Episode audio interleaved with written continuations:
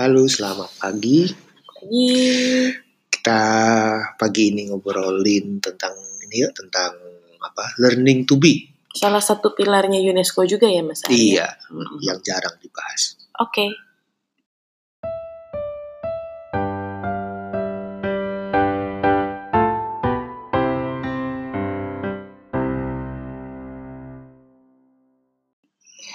Ya, learning to be. Em, kan kemarin kita membahas tentang yang skill ya Mas Arya. Hmm, learning to Eh, do. learning to do. Nah, ini learning to be ini eh kenapa dia jarang dibahas? Iya, learning to learning sebelumnya problemnya kan sebenarnya kita di lifelong learning pembelajar sepanjang hayat dalam kerangkanya UNESCO, itu UNESCO ada empat Ada empat ya. ya kan ada learning to be Learning to know. learning to know, learning to do, dan learning to live together. Mm-mm. Nah, di sistem pendidikan kita atau banyak lah, bukan cuma di kita itu kan sebetulnya yang paling banyak ditekankan kan learning to know, Mm-mm. tahu, paham, mengerti, gitu ya Mm-mm. eh, di titik itu. Kan Kita sudah bahas tentang learning to do, sebuah hal yang Mm-mm. yang juga penting dan hari ini kita mau ngobrolin tentang learning to be ya mengenal diri sendiri. Mm-mm. Ini memang jarang dibahas. Aku juga tidak tahu kenapa ya. Tapi biasanya memang eh, learning to be ini wilayah agama, wilayah spiritualitas biasanya. karena mengenali diri gitu kali ya kayak Iya. kembali kepada diri sendiri terus menjadi eh, reflektif kayak gitu-gitu kan kayaknya wilayahnya ada di spiritualitas ya Biasanya berkaitan dengan ini kan mirip dengan karakter, mirip dengan apa ya eh, diri ya itunya.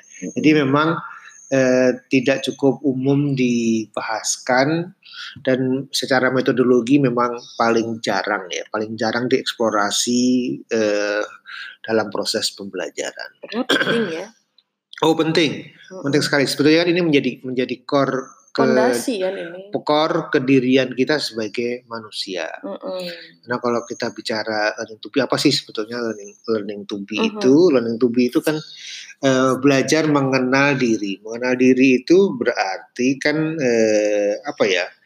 Mengenal diri itu mengenali batas-batas diri, ya batas-batas diri, baik kekuatan dan kelemahan kekuatan dan kelemahan, Hmm. terus kemudian bagaimana cara kita menyikapi sesuatu, bagaimana kita merespon, Hmm.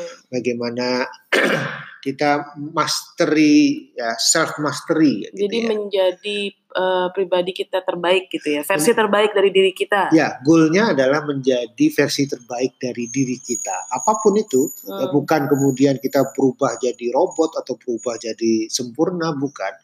Tetapi proses bertumbuh sehingga kita tahu eh, di mana sih sebetulnya titik-titik kritis kita sebagai manusia. Mm-mm. Kan ada kita beda-beda ya. Ada orang-orang yang ada yang kemudian kalau dia lapar dia nggak muan gitu ya. sehingga kemudian dia harus sensitif terhadap dirinya jangan sampai kelaparan Hmm, lapar dikit bete wajahnya ah kacau nggak bisa mikir dan sebagainya Mm-mm. ada orang-orang yang eh, berfungsi lebih baik dalam kondisi lapar gitu. dan sebaliknya gitu Mm-mm. kan begitu lapar terus kemudian cepat-cepat kerja dan sebagainya supaya cepat selesai dan sebagainya nah demikian juga yang lain-lain ada orang yang didrive oleh ketakutan tapi juga ada yang ketakutan itu justru makan bikin bikin beku bikin freeze gitu ya Mm-mm. eh, dan lain-lain. Ada orang-orang yang jatuhnya karena terburu-buru, begitu dia terburu-buru maka kemudian pekerjaannya berantakan, pekerjaannya eh, ceroboh dan sebagainya Karena dia terburu-buru. karena dia terburu-buru. Gitu ya. Tapi ada orang yang kemudian sangat hati-hati akhirnya nggak ke mana-mana. Iya. Jadi it- itu itu kondisi manusiawi yang yang ada dan yang menjadi tantangan adalah bagaimana Setiap karakter kita, setiap kondisi kita itu tetap bisa membawa kita menjadi pribadi yang terbaik dari dari kondisi kita hanya ini. betul. Jadi kalau yang tadi misalnya terburu-buru ya mungkin dia ya dia itu kelebihannya kan kemudian dia adalah orang aksi, Hmm. dia cepat bergerak, cepat tanggap, ya kan. Eh, apa sedangkan untuk orang yang kemudian tadi nggak jalan-jalan tapi kan dia eh, Teliti, lebih teliti, dia memikirkan ya. lebih dalam terhadap sebuah hal gitu. Jadi bukan mengubah eh, karakter dasar seseorang sebenarnya Hmm. ya. Jadi mengetahui limitasi dan me- mengasah yang terbaik menjadi versi terbaik dari dari diri, diri seseorang. hmm. Nah, jadi biasanya salah satu pendekatannya adalah strength based learning. Wah menarik tuh Ya, strength based learning. Strength based learning adalah sebuah proses pembelajaran yang eh, di- digunakan dengan pendekatan mengenali kekuatan anak-anak Hmm. gitu ya. Jadi apa yang kuat itu pertama tahapannya adalah dikenali, kemudian yang kedua adalah diasah. Karena eh, kita ini kan sebetulnya ketika menjadi dewasa berkarya dengan kekuatan kita. Iya kita dibayar itu karena kelebihan kita ya karena Bukan karena hal. kekurangan kita Iya kan. bukan karena kekurangan kita. Jadi mengenali kelebihan-kelebihan, kekuatan dan kemudian terus di stres, didorong gitu ya. Karena betapapun anak-anak kita adalah eh, ya bertumbuh gitu. Semua manusia kan bertumbuh. Tidak bisa langsung kalau begitu kita bilang strength gitu ya, kekuatan bukan berarti sudah Bukan berarti dia lahir udah kuat gitu. ya sudah jadi gitu ya. Tetapi ada sebuah proses untuk mengasah setahap demi setahap kekuatan itu. Mm-mm. Nah, di situ pentingnya mentor, pentingnya pembimbing. Yang Un- bisa memahami dia, Ya. yang bisa kemudian uh, kayak coach lah ya, yang kemudian Hmm. tahu nih gimana caranya, kemudian membuat anak-anak itu mau mencoba keluar dari zona nyaman, gitu Ya. kan, Jadi eh, men-stretch mereka. nah dalam fungsi yang lebih umum adalah orang tua. Orang Mm-mm. tua kan hidup 24 jam bersama kita tahu anak. Sehingga tahu gitu lah buttonnya itu ada di mana gitu hot button. Eh, Anak ini akan akan semangat kalau gitu. Orang tua kan tahu kan anak anak-anak kita akan kacau kalau gitu ya. Jadi eh, sifat-sifat yang sebagian diwariskan secara genetik dari orang tua dan sebagian lagi memang eh, bagian dari personalitas dia anak-anak kita dan ibu terutama gitu yang 24 jam bersama anak tahu tuh anakku suka makan ini kalau begitu makan ini terus kemudian anakku harus nonton dulu harus dan, dan seterusnya yang kemudian membuat eh, membuat eh, anak-anak kita bisa bisa berfungsi lebih baik. Hmm. Eh, bagaimana kita mengenali itu? Tadi kan ada strength based learning. Kemudian eh, ada pendekatan lagi yang disebut dengan eh, social and emotional learning (SEL). Hmm. Ini adalah sebetulnya kerangka pengembangan untuk eh, sosial apa social skills ya. Sebuah hal yang juga jarang sekali di, di- dibahaskan gitu ya.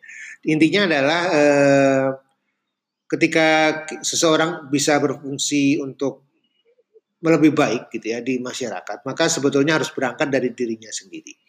Berangkat darinya dirinya sendiri itu berarti dia nyaman dengan dirinya. Hmm. Nah, Jadi salah satu konsep penting di dalam eh, proses learning to be itu adalah pertama anak-anak tercukupi kebutuhan keamanan dan kebutuhan kenyamanannya, terutama bukan hanya sisi fisik tapi dari sisi psikologis, dari sisi emosional. Ya, itu itu menjadi PR besar bagi kita sebagai orang tua. Nah, karena apa? Karena anak-anak yang aman dan anak-anak yang nyaman itu cenderung akan menjadi anak-anak yang percaya diri ya sehingga mereka berani berani mengeksplorasi sekitarnya ya berani bertanya. Itu karena apa? Karena dia nyaman dengan dirinya sendiri. Dia tidak takut dihakimi. dia tidak takut dia tidak misalnya kalau salah ya itu dipandang sebagai uh, proses tidak Mm-mm. sebagai kegagalan. Itu Betul. penting kali ya. Ya jadi anak-anak yang diterima apa adanya anak-anak yang kemudian menjalani kesehariannya yang eh, boleh yang nyaman gitu ya. Dan itu eh, prosesnya stimulasinya ada di orang tua dengan cara menyediakan lingkungan yang nyaman bagi anak-anak kita. Hmm. Ketika kita bicara tentang anak yang nyaman dengan dirinya, dengan sekitarnya, dengan lingkungannya, bukan berarti kemudian anak bebas suka-suka. atau atau ya atau Ah. difasilitasi buta ibaratnya Iya, ap- apa pun yang dia inginkan dipenuhi bukan, bukan. Tentu saja bukan seperti itu.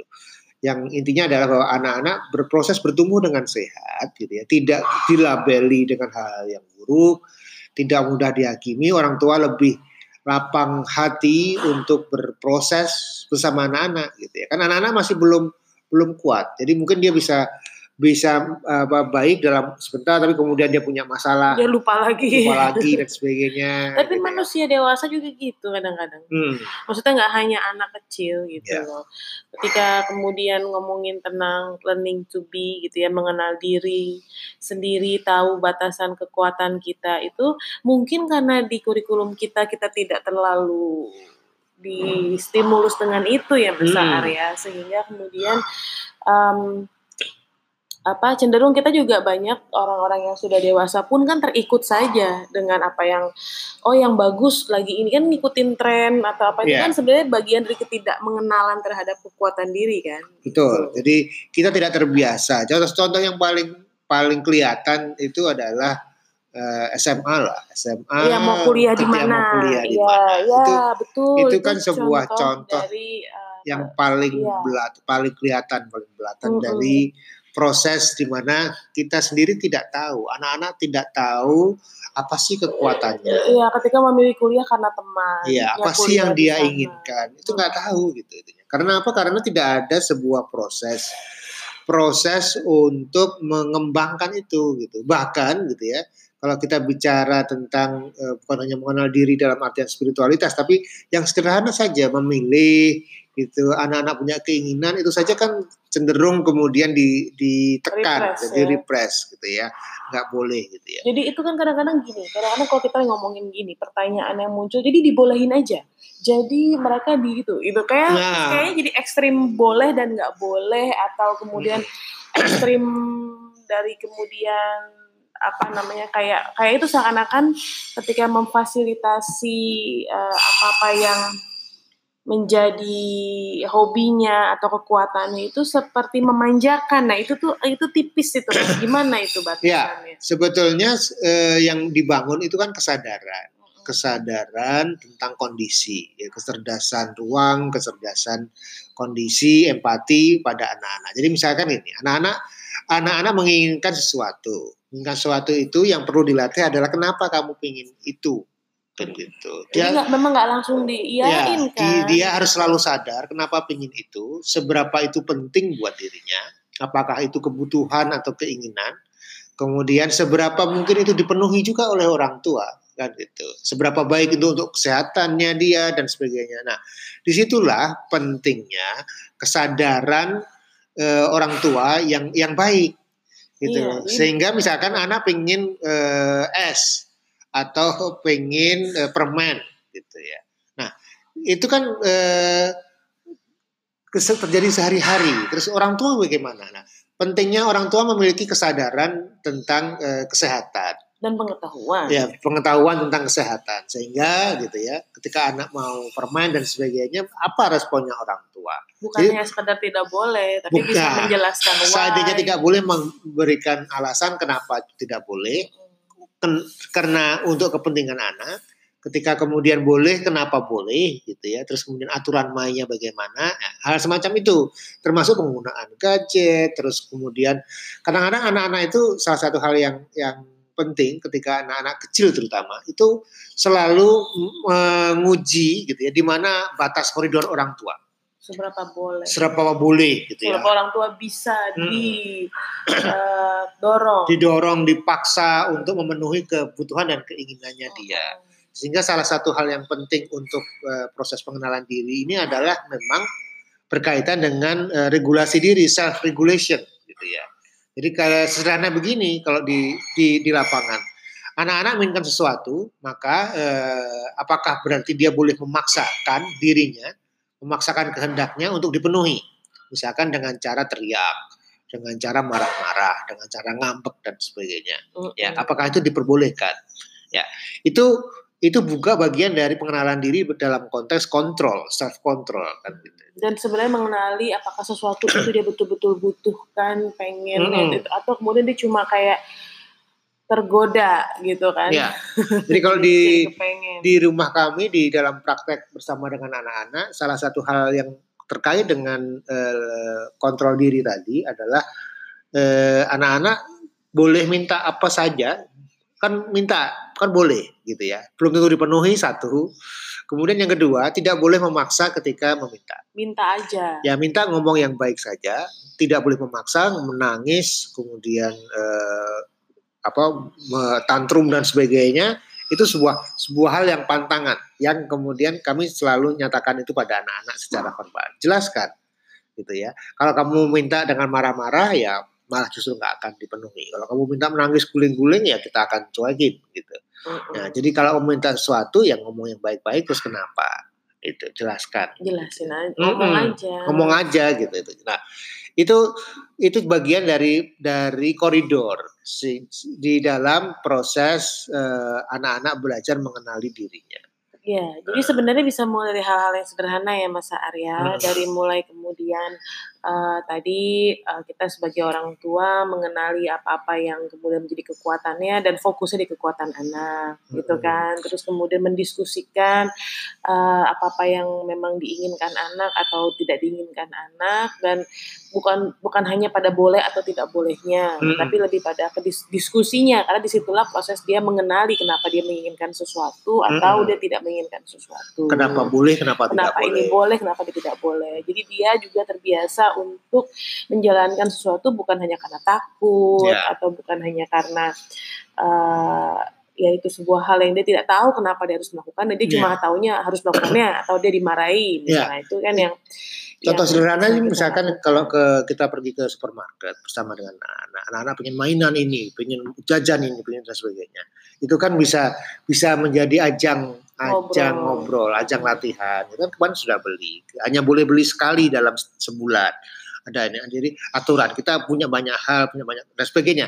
Semua hal itu yang kemudian eh, didiskusikan, diobrolkan bersama anak-anak sehingga anak-anak pertama dia dia sudah tahu apa yang dia inginkan gitu ya. Tapi juga kemudian semua keinginannya bukan berarti harus dipenuhi ya, kemudian uh, ya dia belajar self control ada kondisi dan sebagainya. Nah tapi berkaitan dengan ini kembali lagi ke obrolan kita di awal uh, learning to be ini pada akhirnya uh, menjadi sebuah hal yang dipelajari anak berdasarkan apa yang dia lihat, mm-hmm. gitu. Betul. Jadi yang paling efektif dan yang paling efisien dari pembelajaran learning to be ini adalah orang tuanya juga harus sampai kepada titik mengenal diri, mampu menahan diri, mampu uh, mengetahui apa yang menjadi keinginan dan kebutuhannya dan apa yang memang sebenarnya. Jadi karena ini bukan teori ya. Ini hmm. memang makanya ini memang mungkin jarang karena ini wilayah laku gitu ibaratnya, hmm. wilayah praktek, praktek ya. gitu yang kemudian uh,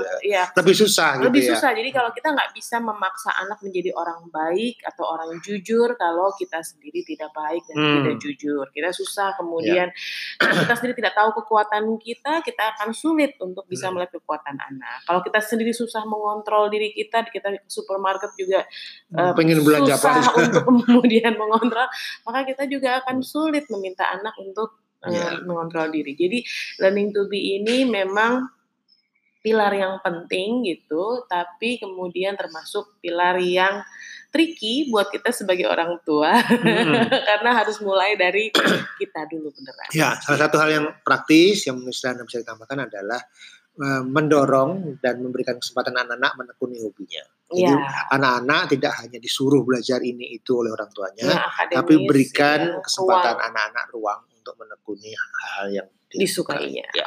Oke, kita nanti ketemu lagi di ngobrol bareng rumah inspirasi di episode-episode yang lainnya. Dah.